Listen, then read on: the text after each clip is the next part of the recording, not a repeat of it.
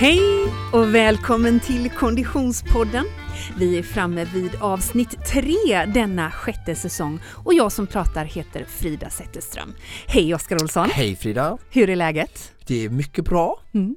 Du, vi har ett riktigt fenomenalt avsnitt eh, laddat för oss den här veckan du. Ja, verkligen. Eh, att få inspireras av hängivna och eh, ja, eh, inspirerande människor är häftigt. Mm. Och här pratar vi människor med rejäla meriter på eh, eh, förteckningen. Mer om det alldeles strax. Men du Oskar, precis som vanligt är vi väldigt, väldigt glada att ha med oss våran poddpartner Asics genom den här säsongen. Mm. Eh, och just nu så är det faktiskt en tävling live på sociala medier, eller hur? Jajamän. Mm, det... En av mina favoritskor som är ute for up for grabs som de säger. Ja men precis och det här är ju en doja som är, eh, comes in handy extra bra i vintermiljö. Ja.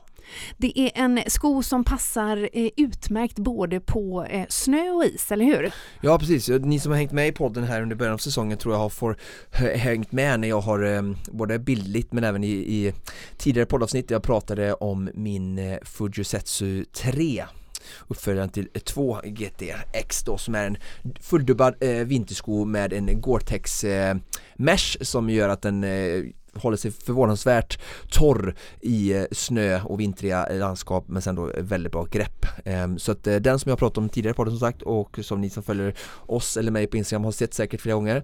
Den är alltså nu uppe att eh, kunna vinna. Mm. Ehm, mm. Och du har ju testat den här dojan i, i pisten. Ja, till och med i pisten. Så den är snösäker kan ja. man säga. Men det du som Konditionspodden-lyssnare behöver göra för att delta i tävlingen är helt helt enkelt att gå in på vårt Instagram. Vi heter Konditionspodden på Instagram. Eh, där ska du publicera en vinterbild. Eller ja, du publicerar ju det på ditt eget Instagram såklart.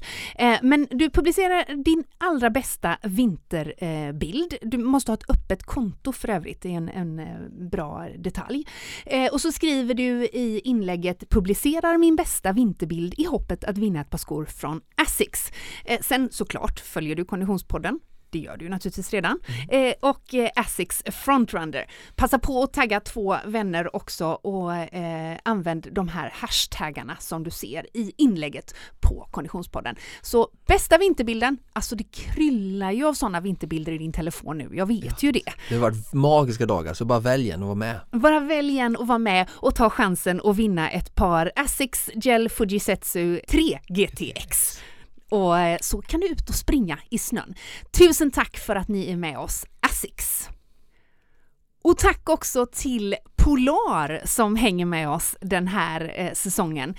Erkänn att jag är ganska grym på att använda min klocka nu. Verkligen! Nu när jag har eh, satt igång det här med din eh, träning som du har snappat upp lite så har ju användandet av de här smarta prylarna också ökat har jag ju sett eh, om inte annat på sociala medier så att eh, jättekul att se att du använder klockan nu. Mm, den satt på laddning i köket för övrigt i, igår och min 13-åring ganska kräsen sådan, bara helt plötsligt stelna till och sa Vems coola klocka är det här? Men jag har ju en, eh, eh, vad är det den heter min nu då?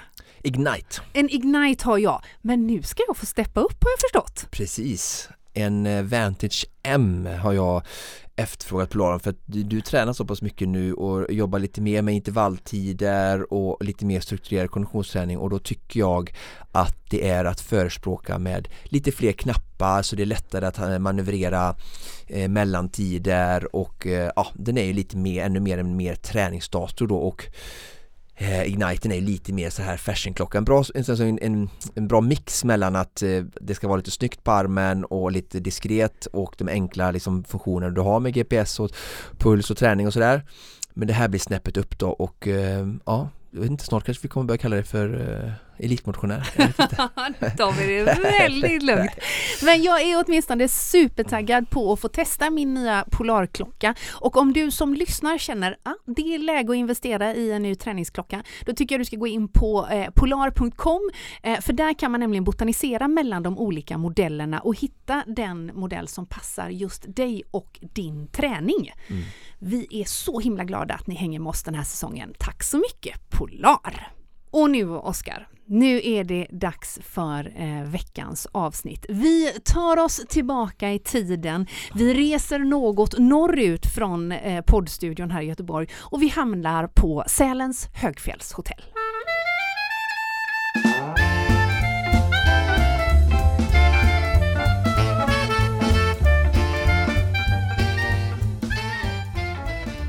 Mellan träningspassen på det här eh, skidlägret som du och jag befinner oss på, Oskar, så har vi fått chansen att, att få en snackis med en legend.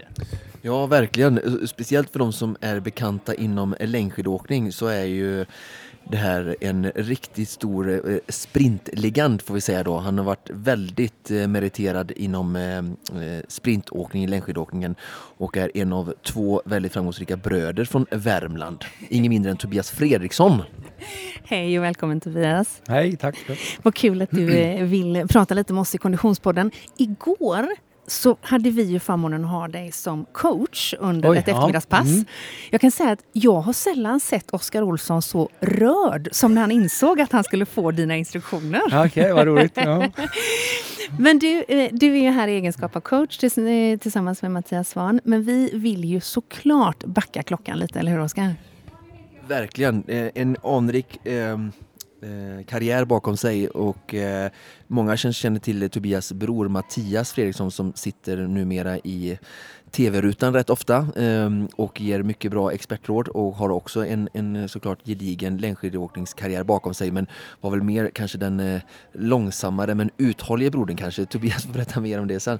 Men eh, Tobias har ju både OS-brons eh, individuellt och eh, OS-guld i lagsprint och även VM-guld så att eh, Tobias får gärna ta oss tillbaka till hur han kom in på längdskidåkning och eh, hamnade där han hamnade. Ja, hur hamnade jag inom längdsporten? Nej men det är ju mycket handlar ju om eh, uppväxt och miljö. 100 eh, meter till elspåret, såg lamporna i stort sett från köksfönstret. Eh, och på den vägen är det ju. Mm. Farsan skulle åka Vasaloppen en gång i början på 80-talet. Och, och brorsan skulle ut och titta vad pappa gjorde på elspåret och så vill man leka med de äldre grabbarna och så fick man försöka hänga på och så, så blev det ju skidsport. Det är ju, jag är uppväxt i i Dals Rostock då i Dalsland och det var och är mycket skidkultur där nere mm. när det fanns snö. Eh, det finns mycket skidkultur där nere så det, det blev ganska naturligt. Hur gammal var du när du insåg att det här var något annat än att bara hänga med brorsan ut i elljusspåret? Att när det började bli en, en idrott att satsa på? Jag gjorde ju ett aktivt val. Det var väl egentligen när jag skulle börja skidgymnasiet i Torsby då. Jag var ju som många andra en, en multiidrottare och höll på med alla sporter man kunde. Eh, relativt framgångsrik i många och lite sämre i andra. Men man provade på det som fanns då. Eh, och så var det väl så att jag eh, skidsporten var väl den som var närmast till hands och det var det jag var bäst i. Så då, då blev valet att och gå mot eh, skidgymnasiet i mm. Torsby. Där. Och så i, som i 15-årsåldern någonstans? Ja, fem, det var egentligen valet blev ju när jag började eh, gymnasiet. Då. Mm. Vi har haft förmånen att intervjua väldigt många profiler inom olika idrotter med fokus på konditionsidrott förstås. Och det är många som pratar och vittnar om just vikten av att ha haft en bred bakgrund och att ha, testa många idrotter. Eh, vad säger du om det? Hur, idag tycker jag att vi lite grann går mot ett elitsamhälle där barnen väldigt tidigt måste välja? Det beror ju lite på idrott eh, tycker jag men det är oerhört viktigt att ha en bred grund så man har eh, inblick i många idrotter. Jag, vi satt och diskuterade det på lunch faktiskt att eh, det räcker inte när man växer upp i 12, 13, 14 års åldern och bara hålla på med en idrott och ha sin fotbollsträning eller hockeyträning tre eller fyra gånger i veckan. Det räcker inte, det blir för lite. Mm. Så man måste hålla på faktiskt med fler idrotter för annars blir den totala belastningen den blir för liten och man blir för stillasittande mm. i dagens samhälle med, med paddor och telefoner. Så det, det, är väldigt viktigt att skapa sig en, en bred grund tidigt. Dels motorik eh, och så man kan hantera saker och sen för att hålla sig skadefri. Mm. Eh, så det är väldigt, väldigt viktigt att man tycker jag, håller på med många idrotter för att klara av den hårda, tuffa träningen som krävs om man vill bli någonting sen. Mm, mm. Men det blev skidgymnasium och mm. eh, karriären tog fart. Ja, eh, berätta lite hur, du, du är lillebror till Mattias. Ja, jag har två yngre. Ja. Mm. Gick han i, i, i tredje, för, tredje året på gymnasiet då när du Ja, han är började? ju två år äldre så mm. Så då, då började ni liksom, eh, ni, hur var det att och liksom hamna på samma eh, skidgymnasium som, som din bror? Nej, men det var ju en otrolig trygghet. Det, det har jag ju haft med mig genom hela min karriär. Eh, Mattias är en av de största tryggheterna jag har haft egentligen när jag har varit ute och, och tävlat. Vi, jag får ofta frågan om vi var konkurrenter och hur det är att slå storebror men eh, vi har aldrig varit konkurrenter för vi var ju som sagt eh, bra på olika discipliner. Eh, så, så det har ju bara varit till nytta och, och hjälp av honom. Så vi har ju aldrig varit konkurrenter för vi har aldrig konkurrerat. Det var ganska tydligt tidigt eh, när jag fick den här egentligen andra chansen som idrottare när sprinten blev en mästerskapsgren. Jag var en mer naturligt lagd och Mattias är lite mer uthållig. Eh, så det föll sig ganska naturligt att han var bättre på längre distanser än vad jag var och jag var bättre i sprint. Då. När kom den här du den andra chansen? Hur gammal var du då? Hur utkristalliserade sig detta? Liksom på träningar, när man spurtade eller hur, hur såg du att du hade anlag? Men jag var ju alltid naturligt snabb som när vi friidrottade när jag eh, växte upp. Då var ju bästa grenarna var ju 60 meter längdhopp, kula. Skulle man springa 1000 meter blev det lite för långt så man var inget konditionsfenomen så. Eh, Så fallenheten och, och, och fartuthålligheten det var ju min styrka. Då. Så när det dök upp sådana här sprinttävlingar i städer och sånt där då hä- hävdade jag mig ganska bra. Då. Sen blev det ju en mästerskapsgren till 2001 i Lahti då. Hur gammal det- var du då? Var det efter gymnasietiden? Ja, det var ju 25. Ja. Eh, Så jag, hade ju, jag var ju 10, 15 eh, i Sverige liksom på de traditionella loppen. Men det räckte ju inte att slå sig in i ett A-lag då. Just det. Eh, Så då brukar jag säga man fick en, liksom, en liten andra chans. Och det var ju min begåvning och fallenhet och passade mig väldigt, väldigt bra då.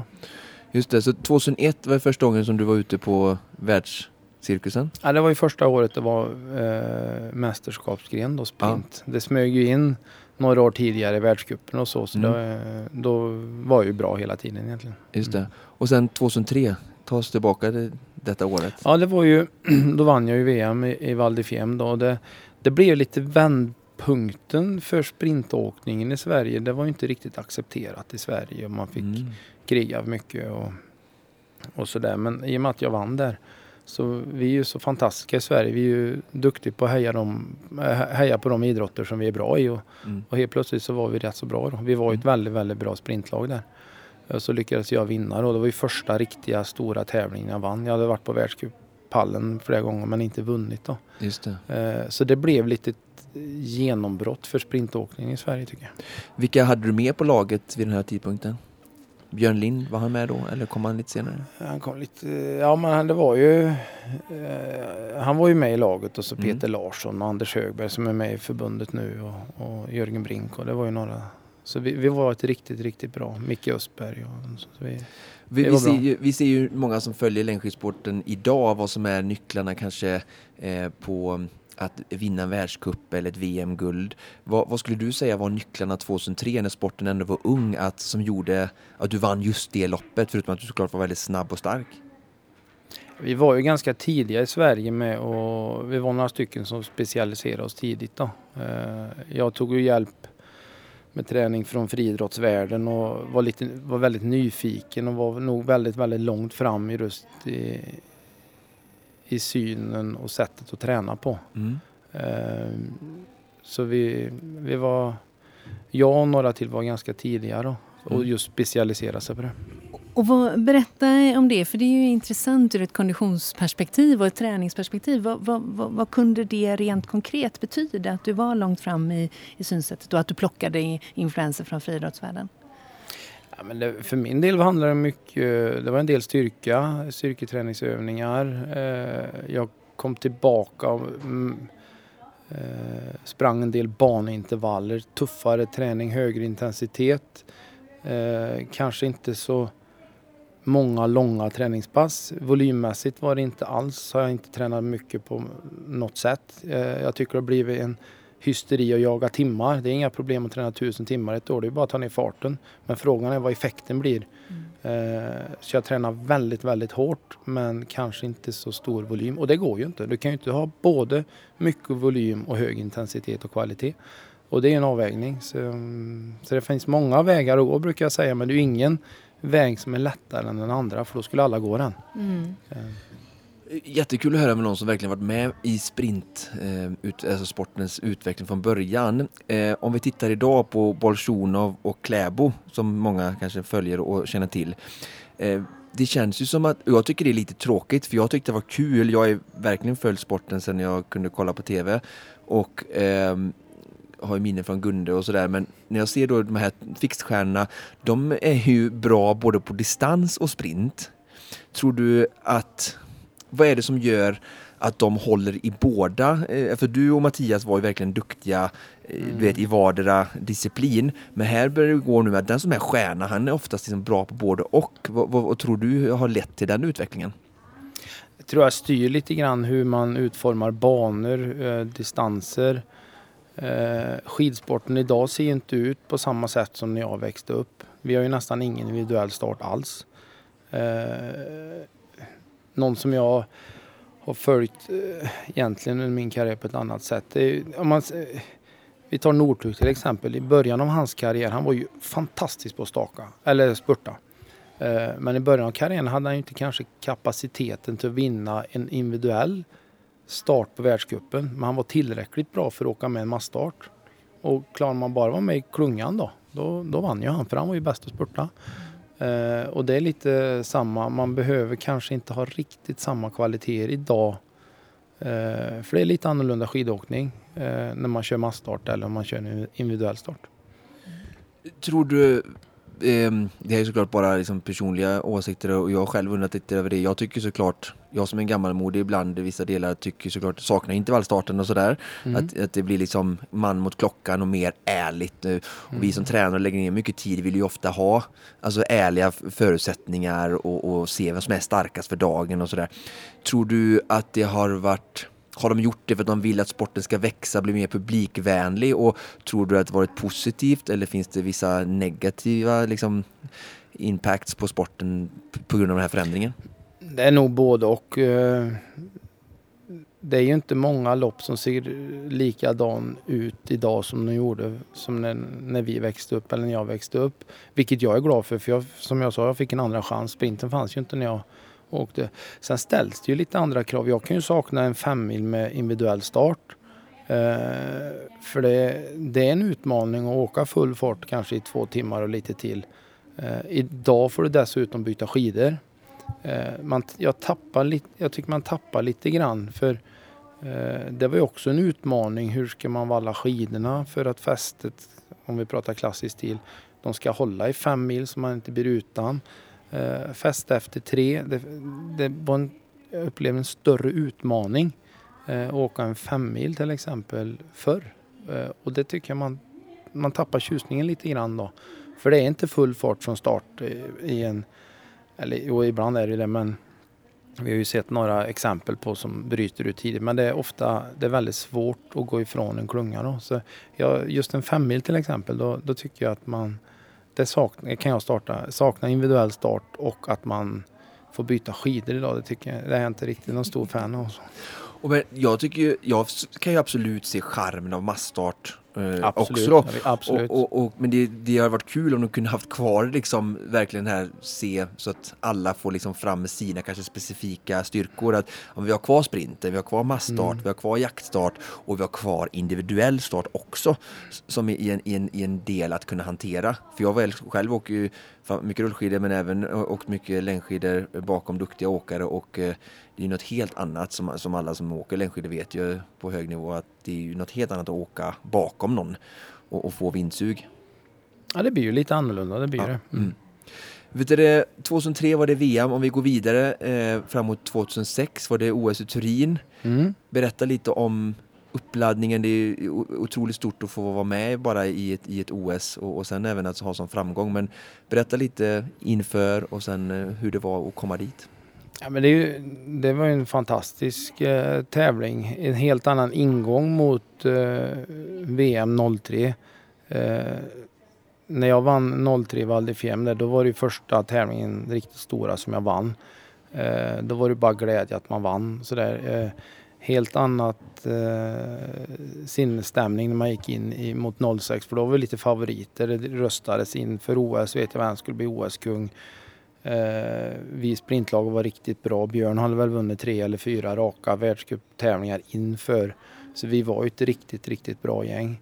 Eh, jag blev lite krasslig inför så jag hade en fight mot klockan så jag var ju jag ska inte säga att jag var i full träning tre dagar innan sprinttävlingen men jag var frisk tre dagar innan och så tog ett beslut att köra då, som var rätt då. Men det var många svåra och tuffa beslut där faktiskt. Att det sätts sån favoritförväntan, för det är ju naturligtvis en helt annan förutsättning. Vad, vad gör det med dig mentalt? Eller vad gjorde det med dig mentalt 2006? det är ju svårt att hantera. Man är ju väldigt liten som individuell idrottare. När man står där på stator så har man hela världen som tittar på en och blickarna i fokus och många kanske räknar med med en medalj i och med att vi var så bra. Så det är klart det var en oerhörd press. Eh, sen blev ju just den teamsprintdagen, den blev ju eh, väldigt speciell i och med att tjejerna vann också. Eh, och jag stod ju på inneplan och skulle förbereda mig till start.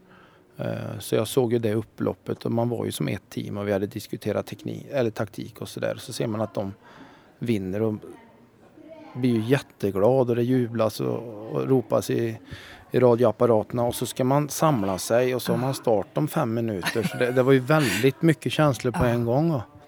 Eh, så det, var, det vart ju en fantastisk dag men helt ärligt så man mår ju skit inför start. Alltså, Man mår jättedåligt. Det, det är nervöst. Hur mycket träning hade ni på den mentala biten av att hantera just den här sortens press och uppståndelse? För det är klart att, precis som du säger, det blir inte större förväntan från Sverige, sporten, världen Nej, och sen på sig själv, för man vet ju OS är ju var fjärde år. Man har ja. ju inte så många chanser på sig liksom. Eh, och vi hade ju en jättebra chans där.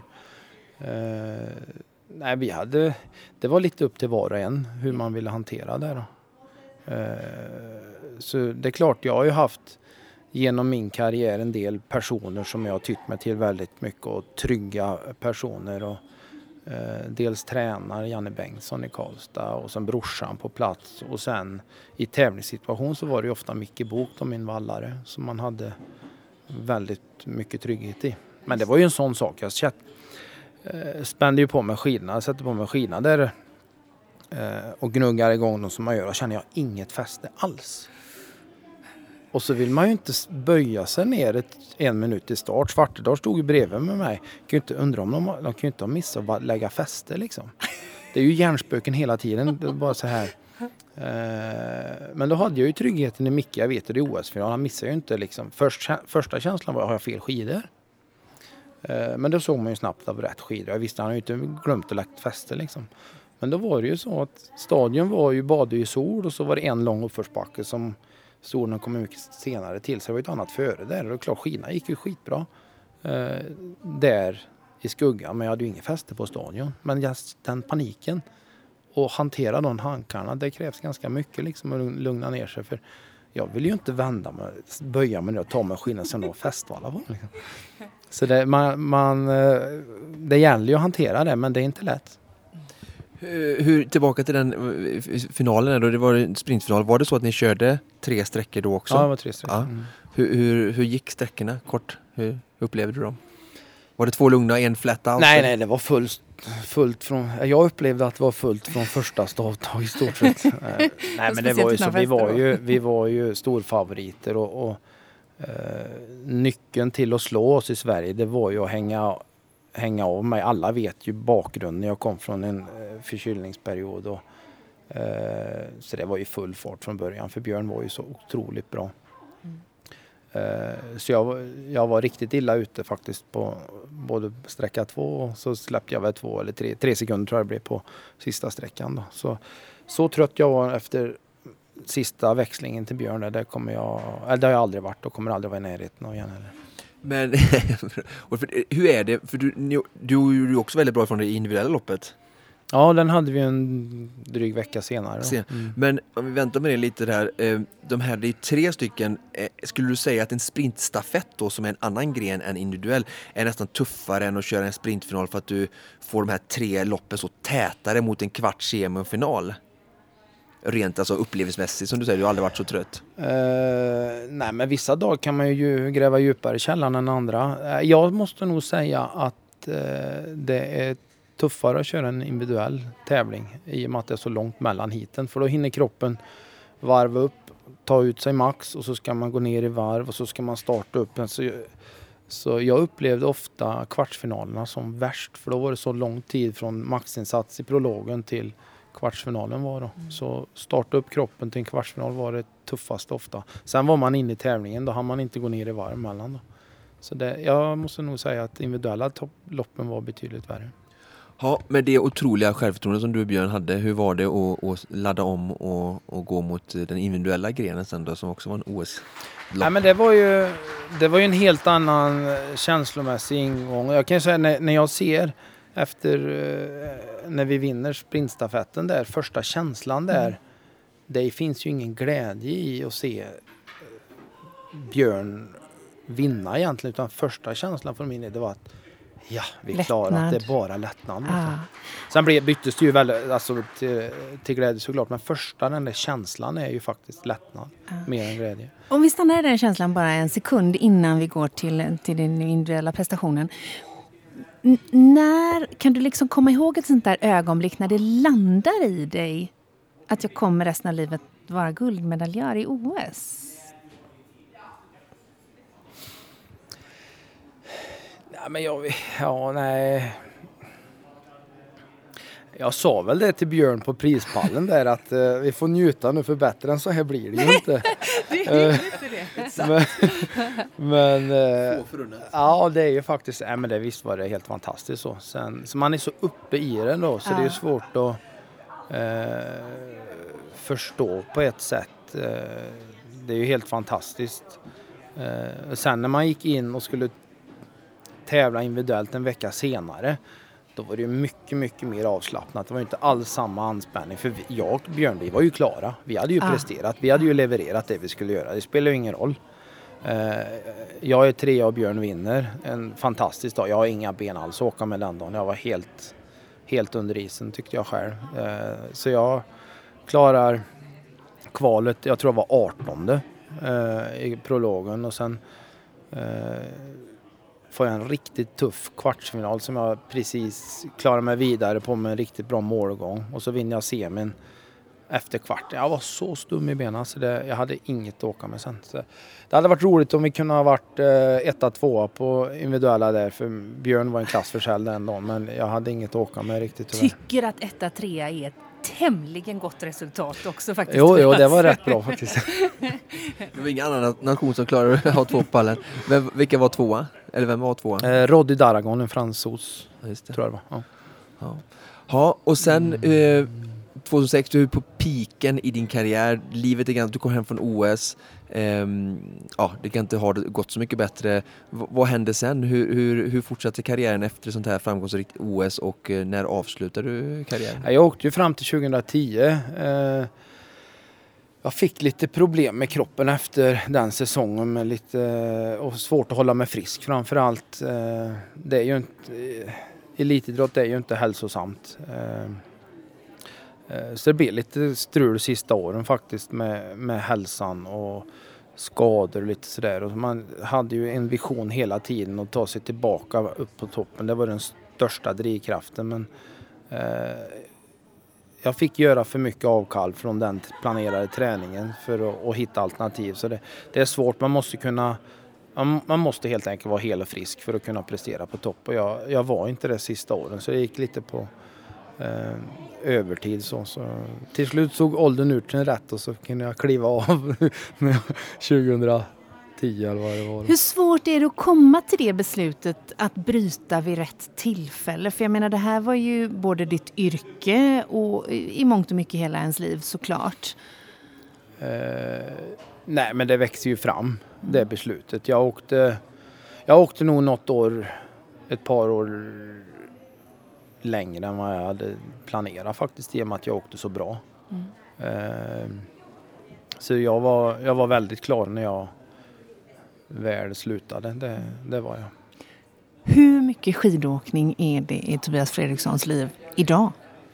Eh, det blir mer och mer. Jag har börjat jobba inom skidbranschen igen sedan i höstas. Så det, det växer tillbaka. Men det är ju så här efter min aktiva karriär så jag var som sagt väldigt mätt och trött på idrott. Jag såg ju knappt sporten på TV någonting. Eh, motionera inte. Alltså jag, jag, jag var färdig liksom med den mm. delen. Eh, sen växer det ju tillbaka. Det är svårt att hålla sig borta då. Mm. Men det tog, det tar ganska många år faktiskt. Mm. Så nu är det ganska mycket idrott eh, Eh, och man är tillbaka i skidbranschen igen och det är fantastiskt roligt. Vi berörde det som hastigast i, i, igår när vi stod ute i spåren och pratade bara för att Oskar och jag kan ju inte hålla oss från att fråga i alla sammanhang även om inte mikrofonen är påslagen.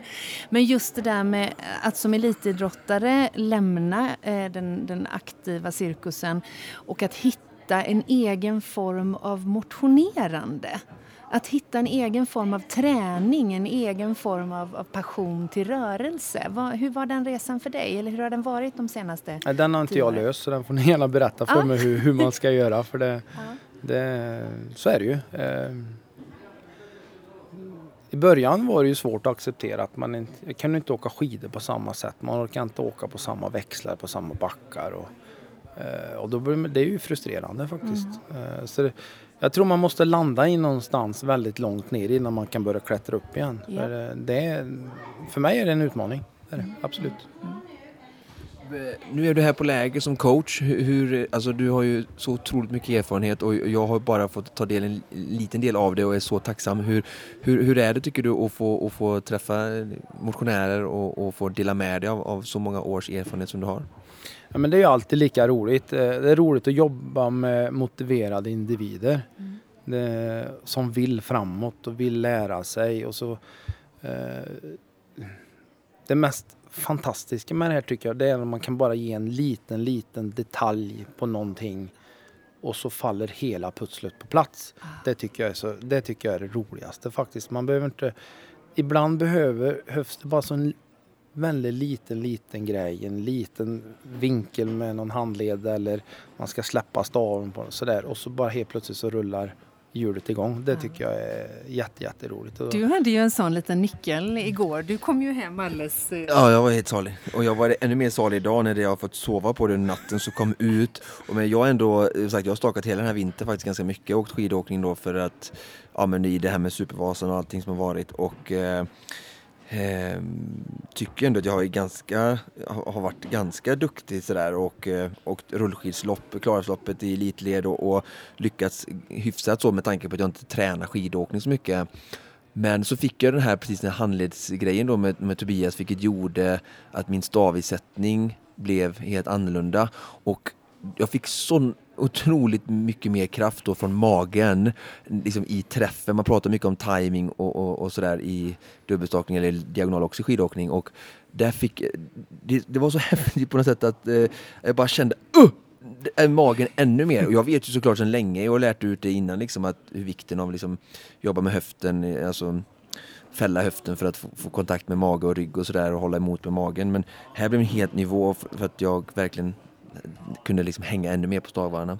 Ehm, så att eh, ja, jättehäftigt. Och det är det här jag menar som jag tittar, jag jobbar mycket med löpteknik och så här, och Tobias finns det ingen som har sett så mycket liksom ja, men skidåkning och titta med ett helt annat öga. Och så stod han och tittade lite bara så, så ah, du skulle, det här skulle du ändra på. Liksom. Då, då, och det är en sak som han såg som ingen annan normal såklart då, in, ser. Liksom. Så det är otroligt nyttigt för, för alla att, att um, få ett sånt tränat öga. Att liksom, titta på dem, för de, de tittar på ett helt annat sätt. Och, och så är det ju liksom inom all typ av teknik eller andra idrotter eller sådär. Liksom. Men, uh, Eh, otroligt häftigt. Och jag vet själv hur det har varit att vara i Tobias eh, situation och, och ge det till en annan. Att se lyckan och glädjen i det man verkligen förändrar hos. För det, det, är som det är verkligen en stor förändring i all min skidåkning fram, fram, för all framtid. Liksom.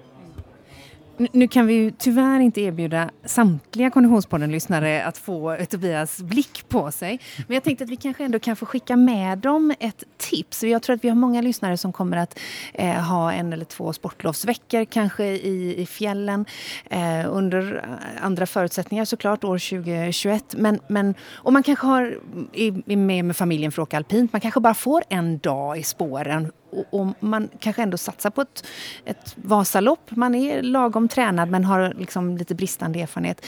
Finns det någon sån här, har du några favoritträningspass att skicka med? Eller tänk på att eh, kör många mil eller kör många intervaller? Eller?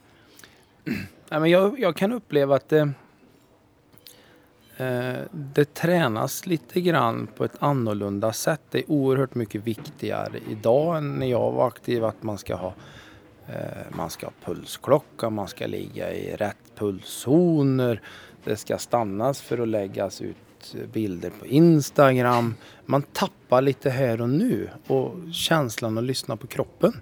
Man behöver inte vara uppkopplad överallt hela tiden. Det är rätt gott att åka ut och inte vara ha kontakt med omvärlden utan bara vara i nuet och så njuta av de här granarna som är som paraplyn liksom. Smala granar med massor med snö och verkligen fånga det ögonblicket för det, det, är, inte, det är inte alla som får den chansen. Eh, och har man en sån vykortsdag som jag brukar säga stanna upp och så njut lite grann av här och nu för det vara ute i naturen, det är fantastiskt, det är ju faktiskt det. Så jag sammanfattar det som att eh, ge sig själv förutsättningar att verkligen få uppleva respektive idrott i sitt bästa tecken. Så till exempel, vill ni göra det så kan man ju åka på ett till eh, Vasasvans läger och då får man ju även sådana här eh, meriterade coacher som, med, med tränade ögon men även då liksom hitta glädjen till just den idrotten du håller på med. Och det är man svårt att få med. Man måste ju ha glädjen annars är det ju Annars blir det ju svårt att ha roligt. Liksom. Det, så, det är inte, så byt ut några stakpass och några styrkepass mot ett eh, läger i, i, inom bra, trevlig miljö. och framförallt stanna upp och njut. Ja, det måste man. Mm. Mm. Underbart. Tobias Fredriksson, tack så hemskt mycket för att du gästade Konditionspodden. Tack själv.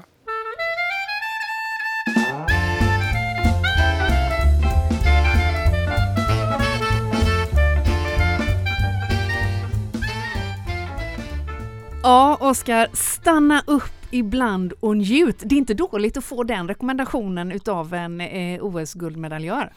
Nej, men jag tror också det tar oss tillbaka till att Även om det är klart att många ser de här elitidrottarna hålla på och det inte alltid är lätt och, och sådär så tror jag ändå att de, de som är framgångsrika har hittat glädjen i det de håller på med och tycker uppriktigt det är roligt och det är också det, jag tror inte att de alltid har kanske, för att komma dit så tror inte jag de i så många gånger har, har valt idrott eller aktivitet för att yttre omständigheter alltid har påverkat dem utan de har hittat någon slags pension längs med vägen, kanske som en del ur, som har vuxit fram ur flera olika idrotter som barn, att de har testat och provat och sen så landat i den här verkligen älskar jag.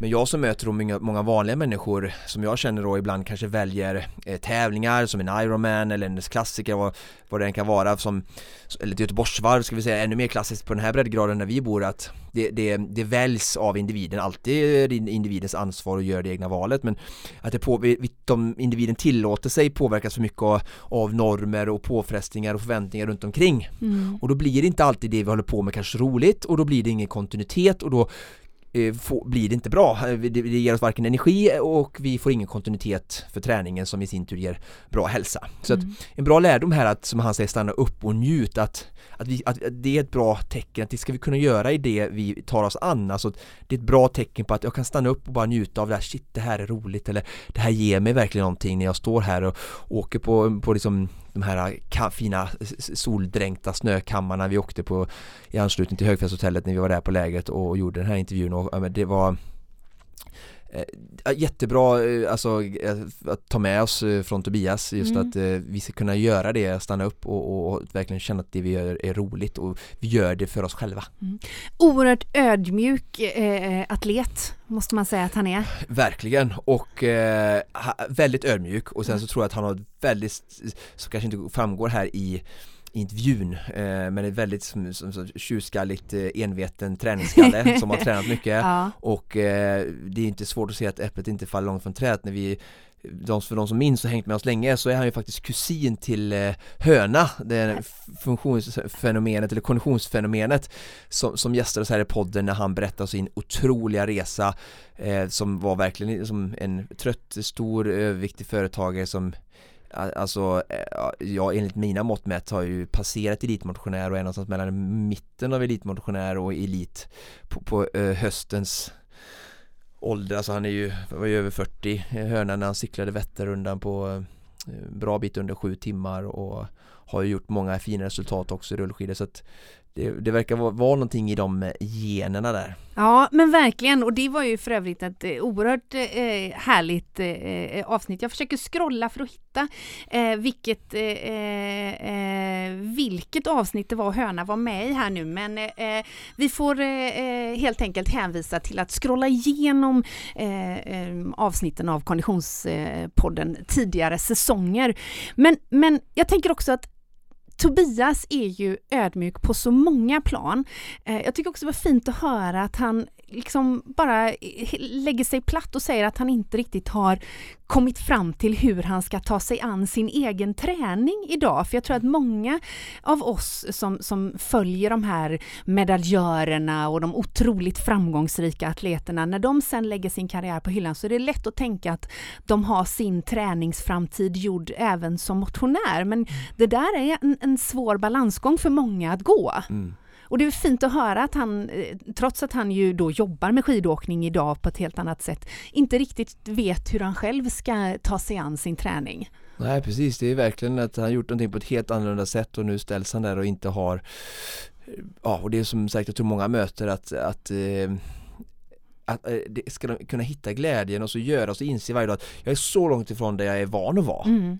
Och så bara, eh, bara Det är som någon som bor i ett jätte, jättestort hus och så helt plötsligt mm. av under omständigheter bara helt, nu ska jag bo i en lägenhet och hitta glädjen i det. Alltså mm. det är en helt annan nivå, en helt annan typ av boende. Han har en helt annan typ av, av förhållande, träning och det klart att han kommer få leta och hitta precis som många, vilka människor som helst får kämpa och hitta hur ska jag hitta en träning som passar in i min vardag som ger mig det jag behöver och det jag gör, mig glad. Mm, och det är ju egentligen själva kärnan i att hitta motivation, det som vi alla möter när man har kanske genomfört en prestation som man har satt upp ett mål för och så när man är, har gjort det om man är klar och man kommer ut på andra sidan så ska man hitta ny motivation. Eh, vi lär ju få återkomma till den frågan. Mm. Men mycket härligt. Eh, tack så hemskt mycket för att du har lyssnat. Vi återkommer med mer motivation, mer träningsinspiration och faktiskt mer skidåkning inom kort, eller hur? Ja, var så säker. Mm. Det här var allt jag hade att bjuda på för det här avsnittet. Precis som vanligt produceras Konditionspodden av Fredag. Connect Brands with People.